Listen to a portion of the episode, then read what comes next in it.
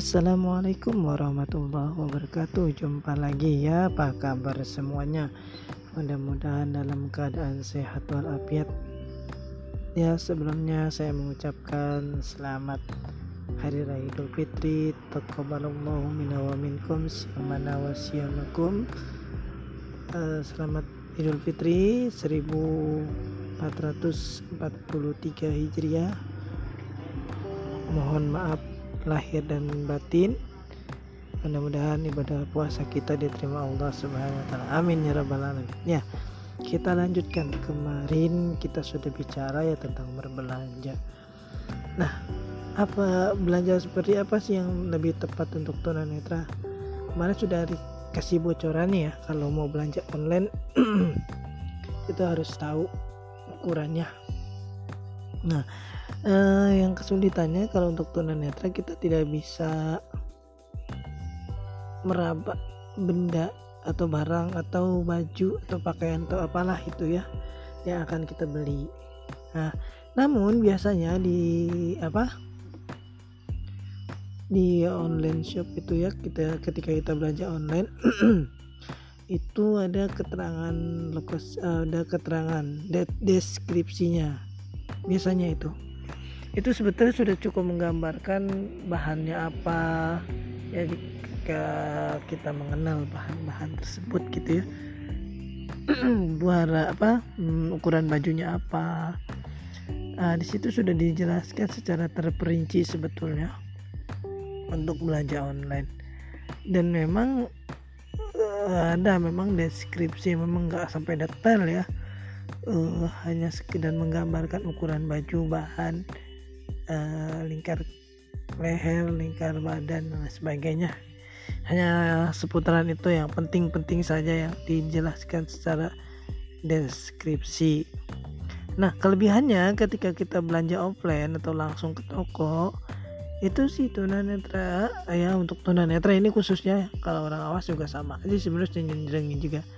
Tapi untuk tunanetra itu bisa meraba secara langsung bahannya. Dia inget oh saya pernah beli baju bahannya kayak gini. Itu uh, kelebihannya dia lebih tahu. Ya bisa lebih meraba uh, bahan uh, barang tersebut. Cuma kekurangannya ketika kita belanja ke toko ya yang tokonya yang memang toko-toko yang harga pas ya maksud tidak bisa ditawar harga bandrol itu kesulitannya kita tidak bisa mengetahui harga tersebut karena harus melihat atau meminta bantuan orang yang melihat. Nah, itu kekurangannya. Ya, semoga ada melalui podcast ini ada orang-orang, ada perusahaan, ada toko-toko yang memang sudah bisa memfasilitasi itu agar uh, kumpulan barang-barang yang ada itu bisa uh, terakses oleh disabilitas netra khususnya gitu ya. Nah oleh itu makanya lebih kita lebih mandiri ketika kita belanja online karena kita tahu harganya barangnya ya. Nah itu kalau toko pakaian atau barangnya itu uh, swalayan gitu apa? Iya swalayan ya. Tapi kalau toko tradisional ya di luar toko swalayan itu bisa kita bisa tanya pak ini harganya berapa? Karena dia tidak menuliskan bandrol dan nanti dia yang menetapkan harga dan uh, ada apa ada akad tawar menawar di sana gitu. Uh, keuntungannya di situ ketika kita belanja di non uh, supermarket atau market baju ya di luar pasar swalayan ya kalau di luar pasar swalayan seperti itu. Kita dipilihkan kita diambilin dan dikasih tahu juga harganya. Oh harganya segini. Nah seperti itu. Ya mohon maaf jika ada salah-salah kalimat uh, uh, bahasa dan istilah-istilah yang sedikit-sedikit keliru gitu ya. Tapi maksudnya seperti itu. Jika kita belanja di luar pasar swalayan kita bisa tanya barangnya harganya dan bisa tawar menawar tapi kalau sudah di pasar swalayan baik itu makanan dan lain sebagainya baju ya.